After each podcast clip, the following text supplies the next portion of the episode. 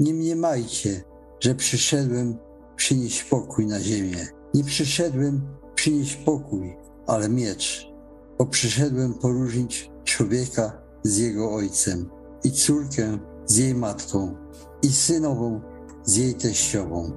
Tak to staną się wrogami człowieka, domownicy jego. Kto miłuje ojca albo matkę bardziej niż mnie, nie jest mi godzien.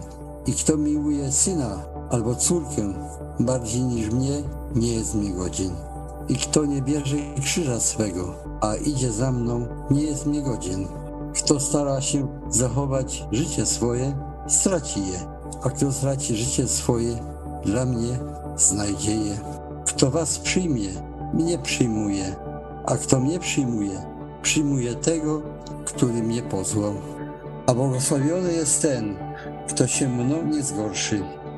Nikt nie może przyjść do mnie, jeżeli go nie pociągnie Ojciec, który mnie posłał, a ja go wskrzeszę w dniu ostatecznym.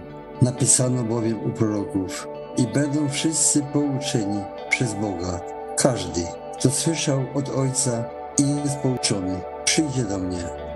Miej nadzieję w Panu, bądź mężny i niech serce Twoje będzie niezłomne.